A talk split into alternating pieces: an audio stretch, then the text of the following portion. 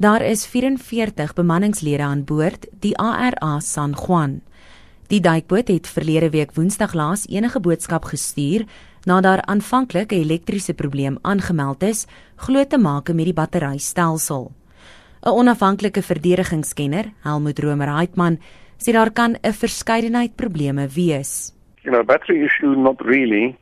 You should, they should be able to surface using compressed air to drive the, the water out of the, the ballast tanks, which would take them up to the surface. Then the submarine becomes naturally buoyant. Things that could go wrong, suppose if you're while you're diving, something goes wrong with the diving planes, you could inadvertently dive below your crush depth. You could have a failure of of a hatch. You could have a failure of some other piping system, cooling water intake or so.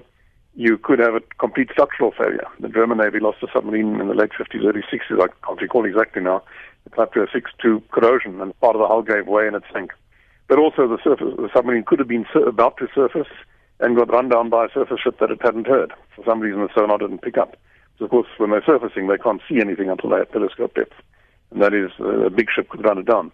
Or it could actually have been on the surface because of a problem. They'd reported an electrical problem. And maybe had hatches open and got rolled over by a large wave, took too much water in and sank. 'n Duikboot is so ontwerp dat dit juis moeilik is om te vind. Boonop was daar onstuimige seetoestande wat die soektog bemoeilik het. Well, if it if it's on the surface, it would not be difficult to find, or too difficult to find.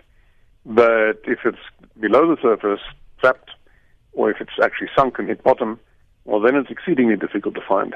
Again, if the crew are alive, they couldn't, they can, there are ways and means. There's a, a rescue buoy that they, they should release. In fact, they should release automatically the submarine has a problem. That would bop to the surface and send out a distress signal, say where the submarine is.